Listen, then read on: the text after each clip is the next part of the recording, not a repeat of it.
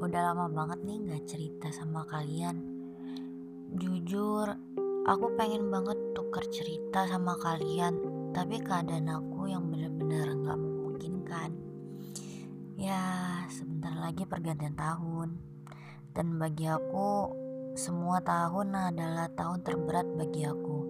Tapi mungkin dari beberapa banyak orang, pergantian tahun adalah pergantian lembaran baru untuk memulai hidup yang baru. Tapi bagi aku enggak sama aja.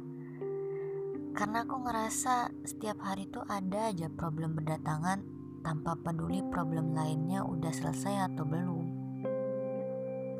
Mungkin podcast ini adalah podcast terpanjang yang pernah aku buat karena aku harus ngangkat satu cerita sensitif buat aku ataupun kalian mau bikin podcast ini bener-bener harus kuatin mental aku. Aku harus siap nerima dan bagi cerita yang mungkin kalian lagi ngalamin atau pernah ngalamin. Kadang mikir gak sih kalau kita cuma mendem rasanya tuh kayak jadi bom bunuh diri yang sewaktu-waktu bisa meledak dan itu ngebahayain diri sendiri. Ini sebuah cerita yang akan aku samarkan namanya dan semoga bisa diambil pelajaran untuk kita semua. Kalau kalian pengen juga cerita kalian di up di podcast aku, bisa kirim via DM dan email aku. Oke, ini namanya aku samarin ya. Jadi kita bacain aja. Hai Bila, aku Jija. Hai Jija. Aku seorang anak broken home Aku harus ngecerna banget dan speak up dengan apa yang akan aku tanggung resikonya nanti. Selama ini aku gak pernah percaya sama orang-orang yang aku anggap walaupun itu teman ataupun pacar sendiri. Aku mendem semuanya selama bertahun-tahun. Aku anak sulung dari tiga bersaudara. Selama aku hidup, aku hidup berkecukupan semua terpenuhi dan gak jarang orang iri sama kehidupanku. Orang nganggep keluargaku terlihat sempurna di mata orang lain. Tapi mereka gak tahu tentang kesempurnaan itu berpengaruh besar terhadap kesehatan mentalku. Oh my god. 18 tahun aku hidup, aku gak pernah ngerasain sayang dari orang tuaku, papaku sibuk kerja, ibuku sibuk pergi sama temen-temennya. Ayah dan ibuku jarang banget akur. Setiap pulang sekolah, aku selalu disuguhi musik tersakit yang selalu aku dengar. Iya, pertengkaran dan cekcok ibuku. Aku juga selalu ngeliat ibuku nangis dipukuli oleh ayahku dan bahkan ibuku pernah beberapa kali coba bunuh diri. Setiap hari aku selalu ngurung diri di kamar sama adik-adik aku yang kala itu masih kecil banget. Jadi sebagai anak sulung aku harus mencoba ngelindungin adik-adik aku. Oh, kamu kakak yang baik banget. Hari-hariku di sekolah pun nggak terlalu baik. Aku jarang punya teman. Di mataku mereka semua jahat. Dan aku selalu menghabiskan waktuku di perpustakaan. Perpustakaan adalah tempat favoritku. Karena nuansa yang tenang dan itu yang bikin aku ngerasa sesaat aku baik-baik aja. Bagi orang Rumah adalah tempat ternyaman dan aman bagi semua orang untuk berlindung. Tapi enggak sama aku. Aku anak Malang yang punya rumah rusak dan gak aman buat aku. Sampai satu ketika ibu dan ayahku cerai mati. Iya, cerai mati.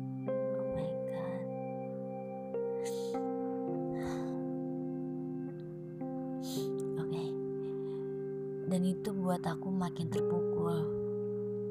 Lagi dan lagi aku cuma diem, gak banyak suara. Aku gak bisa speak up. Aku takut untuk ngeritain semuanya. Kadang aku iri banget sama anak-anak yang bisa cerita apa pun problemnya ke orang tua mereka. Tapi nggak dengan aku. Beberapa bulan setelah cerai, ibuku nikah lagi. Rasanya tuh kayak ditunjam sama batu besar hati aku. Karena ibuku nikah gak ngomong sama kita. Dia langsung nikah dan setelah akad ibuku bilang, "Ibu udah nikah sama om ini." Itu bener-bener bikin aku sakit. Setiap malam aku selalu nangis kayak orang gila ngecoba ngelukain diri aku sendiri dan nganggap semua ini salahku. Aku sumber penyebab masalahnya. Jujur, aku bak di tengah hutan tanpa kompas, tersesat. Sampai pada akhirnya aku capek sama keadaan dan selalu nganggap diri aku aneh. Aku coba beraniin diri buat ke psikiater. Beberapa kali konsul dengan psikiater supaya aku nggak self diagnose dan hasil diagnosaku keluar. Aku didiagnosis sebagai perempuan dengan pasca trauma stress disorder. My God. Aku benar-benar punya mental illness dan aku juga harus berkutat dengan obat ketika aku mulai kambuh. Bagiku Obat hanya dapat mencegah, tidak dapat menyembuhkanku. I know that you feel. Aku rasanya pengen mati, tapi aku masih belum siap nanggung semuanya. Sekian ceritaku dan makasih udah buka sesi podcast kayak gini yang udah bikin aku lega. Oh my. Sorry. Oke. Sebelumnya halo Jija. Se uh, jujur aku kaget banget sama cerita kamu. Speechless. Kamu wanita yang kuat yang aku temuin sama ini. I'm a child of a broken home too. Story kita nggak beda jauh. And I feel like you. Pas baca cerita kamu tuh kayak aku ketarik banget ke dunia kamu. Sebenarnya pas aku baca cerita kamu itu kayak aku kembali ngebukain luka aku yang lama. Semuanya kayak memori yang aku simpen tapi malah kebuka. Dan aku juga seneng kamu akhirnya bisa cerita semuanya dan legain apa yang kamu rasain. Memang rasanya gak punya teman cerita tuh bikin bahaya buat diri sendiri. Dan aku gak heran sih kalau kita gak percaya sama orang yang walaupun deket. Karena mereka pun punya responnya sebenarnya kita udah tahu.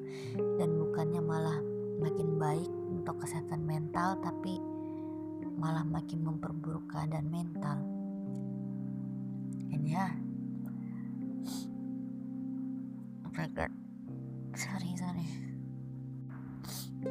Patah hati seorang anak itu bukan dari orang lain atau kita sendiri yang buat. Tapi orang tua kita dengan ego yang saling besar dan gak mau ngalah. Sebenarnya itu yang membuat semua berantakan termasuk kita yang ikut andil dalam perpecahan mereka. Aku juga beberapa kali pengen bunuh diri tapi aku mikir lagi kayak sebelum aku lahir ke dunia Tuhan udah tunjukin skenario apa yang bakal aku jalanin siapa atau nggak ngejalaninnya. Kalau aku udah lahir ke dunia berarti aku udah siap nanggung resiko semuanya. Pedih banget sih rasanya di saat orang lain nikmatin masa kecilnya tapi malah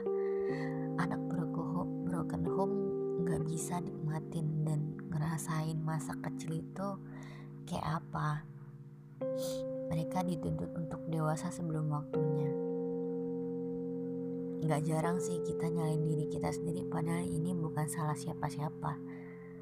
Apalagi anak sulung.